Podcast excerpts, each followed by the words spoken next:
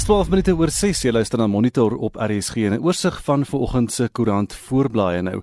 Beeld sê COVID-19 in SA nog net van reisigers en is natuurlik oor die feit dat slegs 2 van die koronavirus-infeksies plaaslik in die land self oorgedra is waarvan ons weet natuurlik.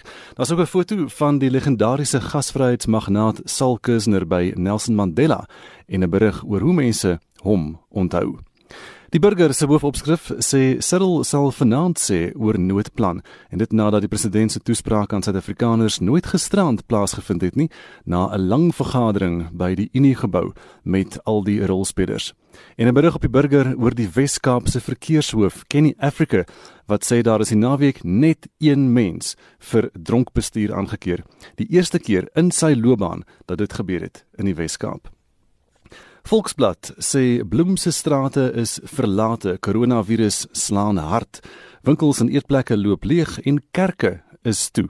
En dan ook 'n foto van 'n dominee wat digitaal preek. 'n Hele aantal gemeentes in Suid-Afrika het gister dienste oor YouTube gehou waarna gemeentelede van hulle huise kon kyk.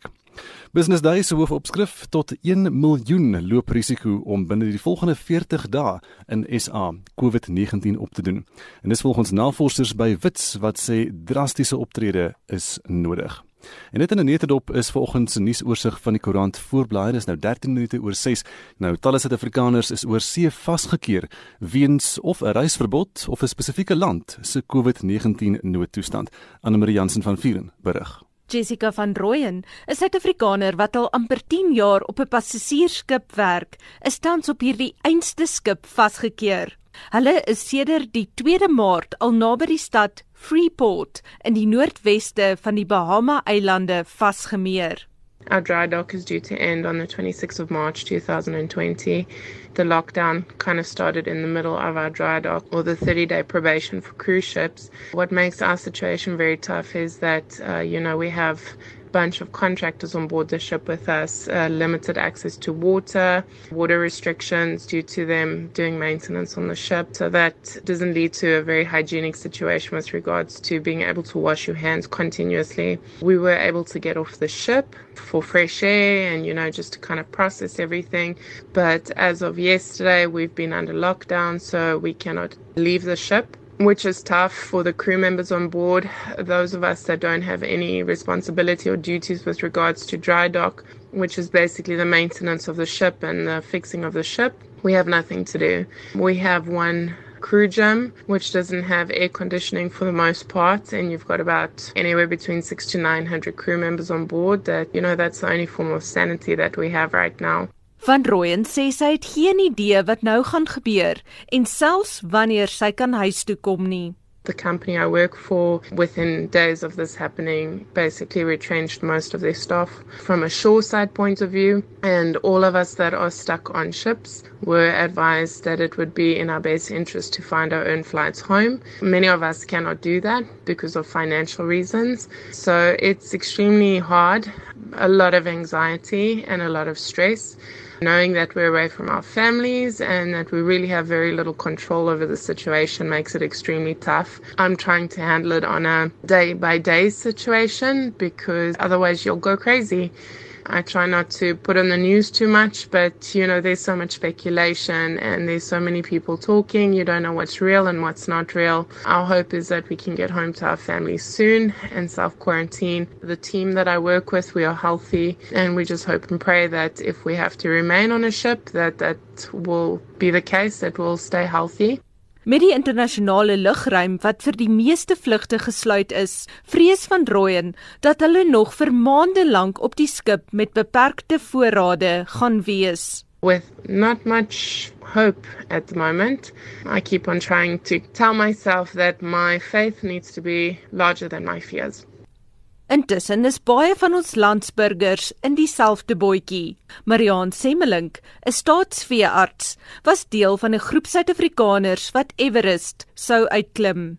Hulle het dus per vliegtuig na Kathmandu, die hoofstad van Nepal, gereis. Ons het daar geland die oggend, die Saterdag en hulle daardie aand het hulle dit gesluit vir enige buitelanders om binne te kom in die land. So ons het gedink dit is 'n blessing. Dit was ook ideaal want daar's nie baie toeriste nie. Ons het Mount Everest basically net vir onsself. Dit is so mooi daar en ons het gestap tot by Tengbushi en ons het nooit gedink dat ons hele tripie binne 'n kwessie van 10 minute kon verander nie. Ons het by Tengmushi aangekom. Ons groepleier het nog elke dag gaan kyk na die vlugte. Alles was nog reg. Net gesê ons gaan nog daar uitkom en toe ons die oggend wakker geword het by Tengmushi om na Tengmushi te, te stap, het een van die mense wat in ons groep is begin praat met mense wat teruggestap het van die volgende punt en hulle het net gesê hulle het sopas 'n boodskap gekry dat alle vlugte gekanselleer is uit Kathmandu. Ons het weer teruggestap na ons verblyf toe, ons tea house en hulle daardie oggend besluit alle vlugte word gekanselleer en almal moet uit Kathmandu kom nou. Almal moet van die berg af nou. Die laaste vlug was daardie aand, 12:00 die aand en dan sou hulle 'n charter flight gereël het vir die volgende oggend vir ons om uit te gaan. So ons het in daardie tyd besef daar's geen manier wat ons binne 'n paar uur sal kan afstap met 'n vliegtyg weer van Lukla terugvlieg Kathmandu toe nie. En die enigste manier om af te kom van die berg is om met 'n helikopter af te vlieg wat ook 'n groot kopseer was want nou moet ons elkeen binne 10 minute 'n betaling maak van R20000 net om af te vlieg. En die weeromstandighede het ook net so gedraai wat gemaak het dat ons nie kan vlieg van Lukla na Kathmandu toe nie en ons moes dit gedoen het. Semmelink sê die senuwees het begin knaag toe die helikopter hulle laat weet dat dit weens swak weeromstandighede dalk nie by hulle op die berg sou kon uitkom nie. So dit was 'n bekommernis dat ons dalk nie eers kan afkom van die berg om daai vlugte te haal nie. Toe ons nou eventually af is van die berg weer terug is in Kathmandu, toe die president van hulle land net afgekondig dat hulle sluit hulle lughawens daardie volgende aand 12:00 die nag. En enige mense wat nie voor daai tyd uit is nie, sal daarso dan bly. So in daardie tyd, toe ons vlug gekanselleer na no Dubai toe. Ons groepleier was baie opvaardig, hy het rondgebel saam met die mense wat ons trip gereël het. Hulle het vir ons nuwe vlugte gereël na Indië toe. So ons het na Indië toe gevlieg, maar daar was nie sekerheid daar nie. Ons het die oggend ons moes vlieg van Kathmandu na Indië toe. Toe het hulle vir ons laat weet dat daardie vlug is dalk ook gekanselleer. So alhoewel ons nuwe kaartjies gekoop het om soontoe te vlieg, was dit ook nie dat dit sou realiseer nie. Letterlik 10 minute voordat ons moes board, toe het hulle vir ons die go ahead gegee en gesê ek wil julle kan oorvlieg Indië toe, maar ons moet ook teken dat hulle nie verantwoordelikheid vat indien die vlugte gekanselleer is van Indië se kant af Dubai toe nie en dat ons dalk gaan vassit in Indië vir die volgende paar maande. Ons het in Indië aangekom, hulle het ons heeltemal eenkant gehou. Ons moeg nie praat met enige iemand nie, geen kontak met enige mense nie. Hulle het ons getoets, intense toetse. Hulle het ons ook daarso, hulle het die vlug vertraag en ons het letterlik met enkele minute voordat die vliegtuig gestyg het, het ons daar vertrek. As jy daarso is, sien jy net hoe vinnig hulle wil ontslaaf raak van jou uit hulle land uit en hoe hulle jou hanteer. Die lughawens is so spookhuise. Daar is niemand daar nie, net die nodigste mense. Dis heeltemal anders uh, as jy nie daar is in die situasie nie. Semmelink en haar mede-reisigers was gelukkig om die laaste vlug uit Indië te kry, slegs 4 ure voordat die Indiese lugruim ook vir buitelandse vliegtye gesluit is. Hulle vlug het in Dubai geland en dit is hier waarvandaan sy met SAK nuus gepraat het. Dit is 'n groot skok op ons stelsels. Ons is baie moeg, ons is baie teleurgestel, maar die dae wat ons daar gehad het was iets onbeskryflik. Sal dit vir niks ruil nie en dit is jammer dat ons tripie nou so mis eindig, maar ja, dit is chaos reg oor die wêreld. Semmelink se groep word vanmiddag op Oor Tambo lughawe verwag. Anne Marie Jansen van Vuren vir SAK nuus. Dis 22 minute oor 6 is ingeskakel by Monitor op RSG.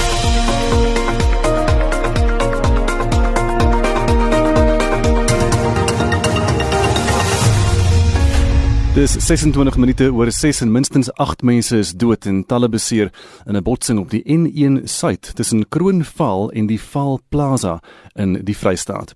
ER24 se woordvoerder Werner Vermaak vertel wat gebeur het. Gistermiddag omtrent net na 2, so omtrent so half 3 se kant is nudienswerkers van ER24 in die plaaslike nudienste van ehm um, Kroonstad en Sasolburg uit na 'n uh, botsing waar drie voertuie betrokke is. Ehm um, die toneel wat hulle op, opgedaag het op het 'n uh, trok 'n minibus taxi en 'n uh, klein bakkie ingesluit. Ongelukkig ehm um, toe die nooddienste ondersoek instel het hulle gevind dat 8 mense oorlede is in hierdie ongeluk. Hulle het verdere ondersoek gedoen en gesien dat baie van die mense uitgegooi was uit die voertuig uit en dat die 6 oorlewendes nog binnekant in die voertuig was en twee van hulle buite. Daar was niks wat hulle verder van hulle kon doen nie, hulle was dood verklaar op die toneel uh verskeie ander mense, 13 van hulle is behandel op die toneel. Ehm um, hulle is dan later deurgeneem na ander hospitale toe met verdere ondersoek in die taxi het hulle nog mense gekry. Drie ander mense is in 'n kritieke toestand. Twee van hulle is deur noodmediese helikopters opgepik en na geleë hospitale geneem in Johannesburg se Oosrand as ook in Johannesburg se Wesrand vir verdere behandeling. Die derde kritieke persoon is per pad na hospitaal geneem. Tot nou toe nog weet ons nie wat die oorsaak was van die toneel nie die plaaslike owerheid was op die toneel gewees en sal 'n ondersoek loods in hierdie voorval. Werner, en vir hoe lank was die pad toe gesluit daar? Die pad was gesluit gewees ongeveer net na 2 uur toe die botsing plaasgevind het en dit was rekord vir 6 uur eers weer oopgestel aan verkeer. Die voertuie aan die kant van die pad verwyder, maar inderdienswerkers en die owerheid was nog steeds op die toneel gewees. ER24 se woordvoerder Werner Vermaak het met Wessel Pretorius gepraat. Dis nou 24 minute voor 7 jy luister na Monitor op RSG en hier is Shaun Jooste met vanoggend se sporthoogtepunte. Ons begin met spele nuus. Meer en meer federasies en atlete vra dat die Olimpiese spele wat in Julie in Tokio in Japan begin tot minstens 2021 uitgestel word. Die Amerikaanse baan, veld en swem, asook Franse swemfederasie sê die spele kan nie voortgaan nie. Kolumbie en Slovenië wil ook hê die spele moet uitgestel word. En die spele vind van die 24ste Julie tot 9de Augustus plaas en meer as 12 miljard Amerikaanse dollar word spandeer om dit aan te bied. Om en by 15000 atlete word geaffekteer. Die internasionale Olimpiese komitee sê hulle hoop om 'n finale besluit binne die volgende 4 weke te maak. Motorsport Organiseerders van die Formule 1 en e-sport reeks het aangekondig dat alle gekanselleerde wedrenne deur virtuele wedrenne vervang sal word. Sommige renjaars, wat Max Verstappen insluit, neem teen ander bekendes en e-sport persoonlikhede deel. Die wedrenne word oor helfte van die ware Jakob se rondes gejaag. Naweke wanneer daar geen virtuele wedrenne plaasvind nie, kan belangstellendes in vertoonwedrenne teen Formule 1 renjaars jaag. Virtuele Grand Prix wat nog voorlê, is Vietnam, China, Holland, Spanje en Monaco. In die sokkerwêreld het die Belgiese midvelder Marijn Fellaini die eerste speler in die Chinese Superliga geword om positief te toets vir die koronavirus. Die 32-jarige Fellaini was ook voorheen deel van Everton en Manchester United.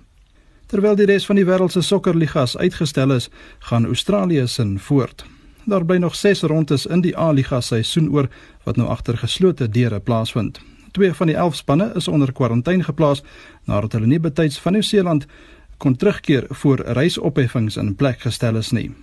En laastens in golfnuus, die Engelsman Paul Casey is van mening dat die Ryder beker wat by Whistling Straits naby Lake Michigan sal plaasvind, nes ander toernooie tydelik opgeskort moet word. Die toernooi is van die 25ste tot 27ste September geskeduleer. Die PGA Tour het alle toernooie tot minstens middel Mei gekanselleer. Shaun Schuster, SAK Sport. Dis 22 minute voor 7 en 'n private begrafnisdiens is gistermiddag vir die internasionale hotelmagnaat Sal Kersner in Kaapstad gehou. Die skepper van Sun City is eergisterand op die ouderdom van 84 na 'n stryd met kanker in sy familie familiehuis in die Leeukoppie landgoed oorlede. Die afgetrede bouer Johan Pretorius het destyds as 'n junior saam met Kersner gewerk met die bou van Sun City. Stocks en Stocks was die kontrakteurs daai tyd. En ek het vir Stocks en Stocks gewerk en daar was nou voormanne en goedes wat van oorsee af gekom het. Weet van Skotland en Ierland en al daai plekke daai tyd het hulle maar van die beste voormanne en goedes gebruik gemaak toe Stocks en Stocks die hotel begin gebou is. Maar ek was in die plant afdeling wat gesorg het dat al die masjinerie en goed is. En dan het ek 'n versol baie kere gaan haal wie ook al beskikbaar was het om altyd gaan haal op die liggawetjie. Hy was 'n nederige ou goeie sakeman.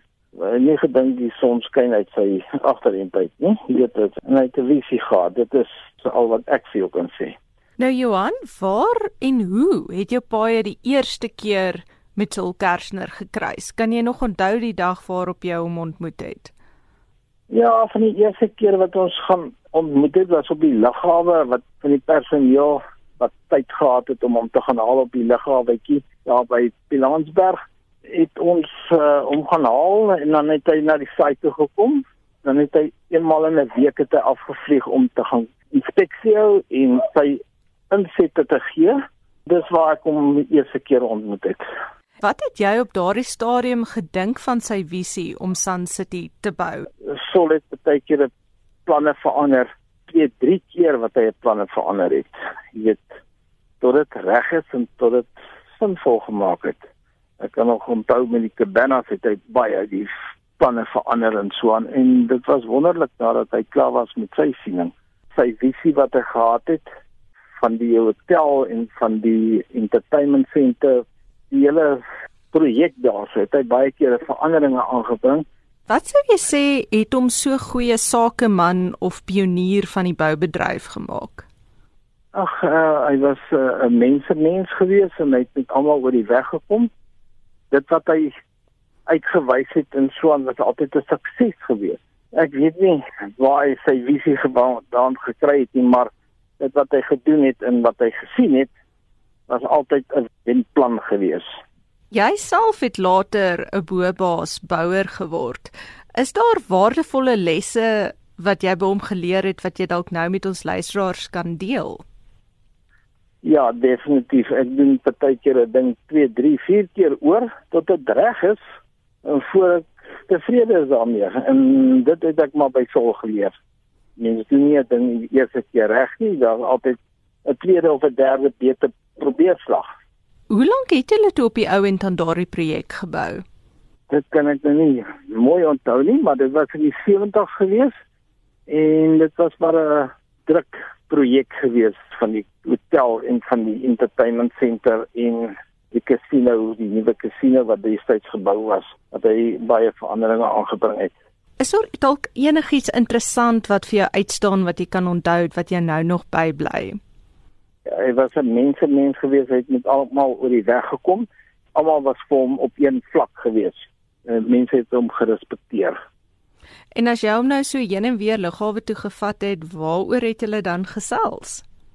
Man, oor allerlei dinge en van tyd tot tyd as dit skoolvakansies was, dan het sy kindertjies, sy kindertjies was bitter klein gewees. Hy het nie gemind om in 'n bakkie te ry of wie ook al hom gaan haal nie ek het altyd hom gaan haal met die bakkie en en die voorman het hom gaan haal met die karre wie ook al tyd gehad het om hom weekliks te gaan haal is so hy was. As jy nou vir Suid-Afrikaners moet sê hoekom moet ons hom as 'n ikoon onthou? Wat 'n bydrae het hy tot die Suid-Afrikaanse boubedryf en sakebedryf gelewer? Wat sou jy vir hulle sê? Is daar nog so mense wat daai visie gehad het wat bereik het wat hy bereik het ek glo nie daar is maklik iemand in sy wat sy skoene kan volstaan wat boubedryf aan betref en kyk wat het hy oor see ook uitgerig. Uit iets begin in Suid-Afrika wat baie vir Suid-Afrika beteken het. Kon julle toe julle daaraan gewerk het ooit kon droom dat dit so groot sou word? Nee ek glo nie die mense het regtig gedink in wat is hy in staat. Dis net jammer. Hy sien nie saam met ons nie. En vir sy gesinne en kinders en so voort. Ek hoop hulle het dieselfde visie as wat hy het vir die toekoms vorentoe.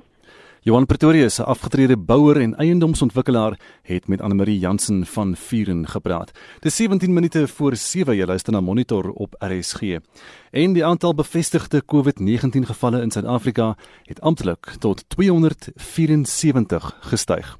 President Cyril Ramaphosa sou Suid-Afrikaners gisterand toegespreek het oor die jongste stand van die COVID-19 pandemie, maar gaan dit nou vooroggend doen.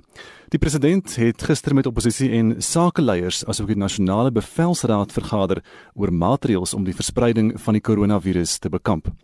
Die minister van ekonomiese ontwikkeling, Ibrahim Patel, sê van die rolspelers waarmee daar samesprekings gevoer is, het ingesluit Sake Eenheid Suid-Afrika, Sake Leierskap Suid-Afrika, die Bankvereniging en groot versekeringsmaatskappye. We gave a report on the work that government is doing, work that we're doing in monitoring the impact of the global slowdown on our own economy because we sell goods to other parts of the world. We shared with the business community also the work that we're doing to ensure that there's basic stocks of health uh, products in South Africa, that there are food and other stocks available to our people. We provided information on uh, competition exemptions and uh, price regulations that have been published in the last number of days. We also talked about what we can do to support vulnerable enterprises, particularly small businesses. Die minister van ekonomiese ontwikkeling Ibrahim Patel en ons bly by die koronavirus die president van Frankryk Emmanuel Macron beskryf die COVID-19 pandemie as 'n oorlog wat alle Franse burgers saam moet beveg. Die land se minister van gesondheid, Olivier Véran, het ook bevestig dat hulle 250 miljoen maskers vir hul gesondheidswerkers bestel het. Dit kom te midde van die algehele afsonderingsregulasies wat Frankryk 'n week gelede in plek gestel het. Die skrywer, Marita van der Vyver, wat in Provence in die suide van Frankryk woon, sê die Franse, wat gewoonlik nogal knorpotte kan wees, hanteer sover die afsondering heel goed. Wel, dit is rof. Maar ek wil nou dadelik by sê dat vir my wat in 'n plaashuis tussen twee dorpe bly, is dit heelwat meer draaglik as vir iemand wat in 'n groot stad vasgekeer is in 'n klein woonstelletjie. Stel jou voor met kinders en man en almal wat by die huis is en kan nie die kinders buitentoe neem nie. Dit moet verskriklik wees. Ek dink daar gaan groot sielkundige skade kom aan mense. Sekere egpare gaan mekaar miskien vermoor, maar vir my, ek kan buitentoe gaan. Is 'n boord en 'n wingerd rondom my huis waar ek kan gaan stap. Alhoewel ek eintlik volgens die wet nie meer as 500 meter van my huis af mag wees sonder 'n amptelike papier nie. As ek wil winkel toe gaan om te gaan kos koop, dis al wat jy, daar's 'n paar goedertjies wat jy mag doen. Dan moet jy 'n papier aflaai soos 'n permit, 'n beëdigde verklaring, aflaai op internet en dit teken en dit by jou hê om te gaan kos koop of enigiets anders dringend and that's it. Verder is jy in jou huis vasgekeer. Nou jy mag nie beweeg nie. Hoe maak mense op die oomblikke bestaan? Byvoorbeeld mense wat besighede of sake ondernemings gehad het. Jy weet, dis so 'n vreemde nuwe wêreld. Ek dink niemand kan eintlik verder vorentoe kyk as miskien 'n week of so nie, maar dit word gesê dit gaan dalk nog lank duur. Want as ons kyk na Italië, ons buurland waar die algehele afsondering al 'n hele rukkie langer in werking is, dit het nog nie die piek bereik nie. Gevalle van die siektes en die aantal dode styg nog steeds. Ons maak ons reg vir die piek hier in Frankryk. Maar hulle sê dit gaan eers oor 2 of 3 weke kom en dit na 2 of 3 weke van totale afsondering. So mense is amper te bang om ver vooruit te dink. Al wat ek jou kan sê Anne Marie, die feit dat ek 'n skrywer is, is die ander ding waar wat ek in die platland woon vir mense wat skryf soos ek is self afsondering maar 'n uh, occupational hazard jy weet. Dit is deel wat ons moet doen. Skrywers moet in afsondering en eensaamheid en so kan lewe. So vir my is dit nie die ergste ding op aarde nie. Ek het besluit ek moet hierdie tyd nou gebruik om te skryf. Ek weet nie hoe die wat die besigheidsmense doen nie. In die algemeen baie van my vriende is kunstenaars, selfs in Suid-Afrika nou al sangers, akteurs. Die ekonomiese skade en die sielkundige skade dink ek gaan nog vir 'n baie lang ruk by ons wees. Ek lees nou dat julle eerste minister sowel as julle president gesê het hulle het nou 250 miljoen maskers bestel. So wanneer jy wel jou permit aflaai en winkel toe gaan, dra almal dan maskers. Dra jy self 'n masker?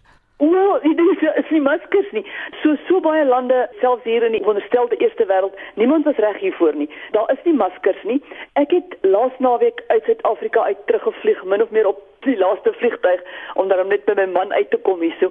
En dit ek so 'n bietjie van 'n loopneus en ek is verskriklik moeg en ek hoes 'n bietjie, miskien maar die normale simptome wat 'n mens het as jy baie hard gewerk het en jy het gereis Maar ek bel toe die dokter. Ek dog toe laat ek nou maar kyk of ek nie die toets kan kry, die COVID-19 toets om te sien dat ek ten minste nie ander mense om my besmet nie. En die dokter sê vir my nee, uh, sy het nie toetse nie. As ek wil getoets word, moet ek na Marseille toe gaan wat 'n 4 uur trip so intoe en terug is vir my. Ek moet nou net as ek regtig waar nou simptome kry, dan moet ek dit doen. Dit is wat hy. So dit kan 'n mens nie doen nie. Daar is nie maskers nie, daar is skoonmaak, daai spuit, dit is nêrens te kry in die winkels nie.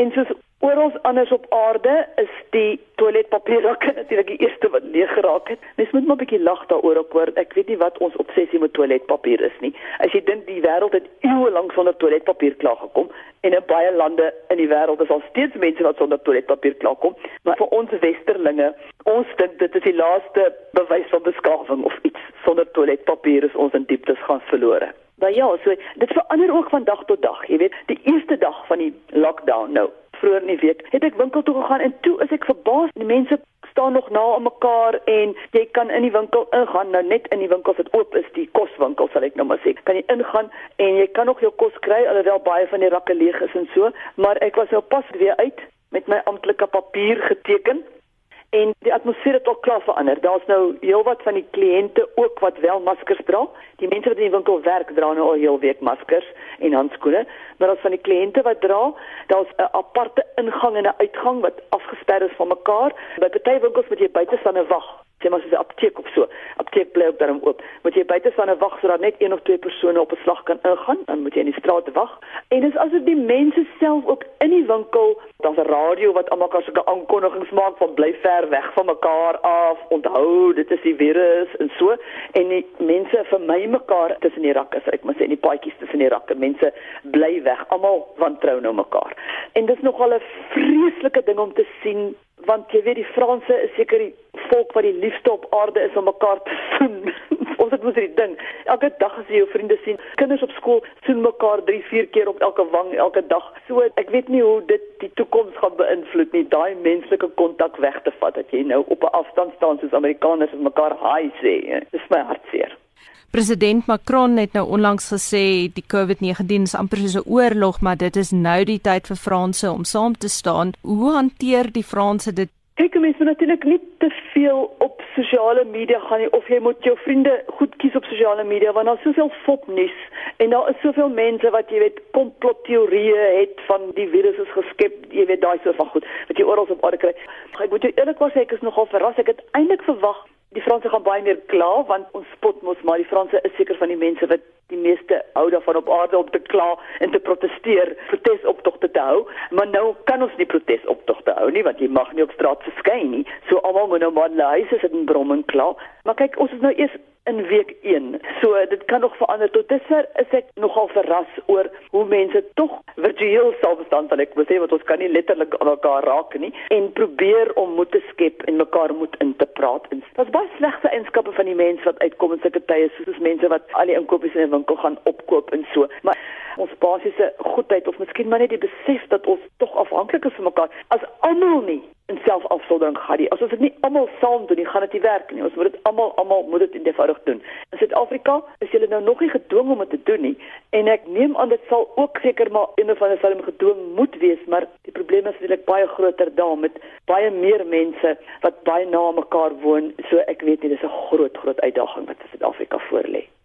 Jy het seker nou baie meer tyd om te skryf. So gaan jy ook moontlik in 'n volgende boek skryf oor 'n virus. Ek sien die mense praat dat Dion Meyer eintlik in een van sy vorige boeke hierdie virus al voorspel het. So ja. put jy enigstens inspirasie uit hierdie omstandighede? Ja, weet jy, ek wil nie noodwendig sê ek gaan nou iets skryf oor 'n virus of so nie. Daar sal genoeg ander skrywers wees wat dit waarskynlik sal doen, maar ek dink tog soos ons almal nou probeer om die beste te maak daarvan, probeer ek nou dink mens moet nou maar net die silwer randjie probeer sien en ek moet dit nou beskou as tyd wat ek het. Ek is besig om te werk aan 'n memoirboek. Ek het 'n sperdatum gehad wat later in die jaar wat ek gewonder het hoe ek dit gaan bykry, want ek moes byvoorbeeld drie naweek in Indië gewees het. Wat is afgestel? Ek het 'n wonderlike bucket list reis na Indië gehad wat ek Vrydag op moes vertrek het. Dit is afgestel. Ek moes oor 2 weke aan die Berlyn Berlin Africa Book Festival deelneem waar ek baie opgewonde was. Dit is natuurlik afgestel. Al die feeste, die Cannes Filmfest afgestel, jy weet in Suid-Afrika self, die Franshoek Literary Festival, die KAKN. So dit is ontstellend vir skrywers en kunstenaars, maar nou moet mense nou dink, goed, nou moet ek hierdie tyd gebruik om te skryf. Maak nie saak wat ek skryf nie, ek moet dit in my skryftyd wees. En dit hoef nie noodwendig oor die virus te skryf nie. Inteendeel, ek dink is miskien goed dat ons nie daaroor skryf nie, want daar gaan 'n tyd kom wat hierdie virus gaan verby wees en ons hoop gouer eerder as later as almal hulle deel doen en dat 'n mens wel stories, dis die wonderlike ding van stories dat jy kan jou verbeelding gebruik. Ons is fisiek ingeperk nou, maar mens kan nie jou verbeelding, ons brein en ons verbeelding is nie ingeperk nie dat ons dit tyd kan gebruik om ons verbeelding te bevry, as ek dit so kan stel. Dis wat ek probeer doen. Ek dink ons moet almal op verskillende maniere probeer moet hou wat ek byvoorbeeld doen op Instagram sit ek elke dag 'n klein fotootjie van iets wat goed is lekker is al is dit net dat ek vanoggend vars brood in die hande gekry het of blomsaad gesaai vir die somer dis daai ou gesegde van as jy weer die wêreld gaan môre eindig dan sal jy nog vandag jou appelboompie plant Hulle sê dis Martin Luther wat dit gesê het. Ek dink dit is so iets waarna ons moet vasklou. Ons almal net elke dag probeer om iets goed te doen en op 'n manier nog steeds jou seëninge te tel. Soos ek sê, my grootste seëning voel vir my op die oomblik dat ek op die platland is waar ek nog in 'n vrugteboom kan gaan stap my huis en nie vasgekeer is in 'n klein woonstelletjie in 'n stad soos Parys nie. Die skrywer Marita van der Vyver het met Anne-Marie Jansen van Vuren gepraat. 5 minute voor 7 uur op monitor en 'n deurry koronavirus toetsfasiliteit van 'n privaat laboratorium wat die staat ondersteun, is in Port Elizabeth bedrywig en toets tientalle mense per dag. Met hierdie konsep kan pasiënte wat getoets moet word se monsters geneem word met die minimum blootstelling aan 'n gesondheidswerker en die fasiliteit. Maar mense kan nie net opdaag en hoop om getoets te word nie. 'n Formele mediese prosedure moet gevolg word. Veronica Fourie doen verslag. Dis 'n deurrydiens waar mens nou nie kos by die venstertjie gaan kry nie. Hier word 'n neus- en keelmonster geneem terwyl jy in jou motor sit wat vir die koronavirus getoets word. Dit verhaas die toetsprosedure en verminder die risiko van sekondêre infeksie. Die proses begin by die pasiënt wat sy dokter telefonies kontak wat dan oor die nodigheid van toetse besluit. Vorms word dan by die pasiënt afgelewer. Slegs dan gaan die pasiënt na die deurry waar monsters geneem word. 'n Masker is noodsaaklik vir alle pasiënte en hande word vooraf gesteriliseer.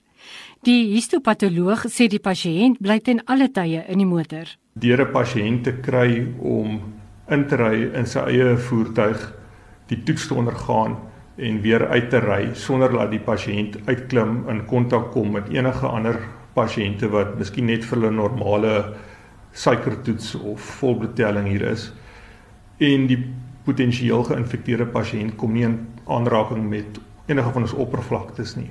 Die monsters word gemerk en geseël. Dit word dan na die laboratorium in Pretoria versend. Die prosedure is slegs vir die wat simptome toon. 'n Kliniese patoloog sê diegene wat nie simptome toon nie, word ontmoedig om toetse te laat doen. Hoekom 'n mens nie asymptomatiese pasiënte noodwendig wil toets nie is omdat mens waarskynlik 'n negatiewe toets gaan kry wanneer die mense getoets word wanneer hulle nie simptomaties is nie. Dit kan vir die mense potensieel 'n false sense of security en en hulle mag hulle self dalk eintlik nou vroegtydig uit selfisolasie uitneem. Na die toetsing moet die persoon in selfisolasie bly. Uitslaa is gewoonlik binne 24 tot 48 uur beskikbaar. Veronica Fourie in Port Elizabeth.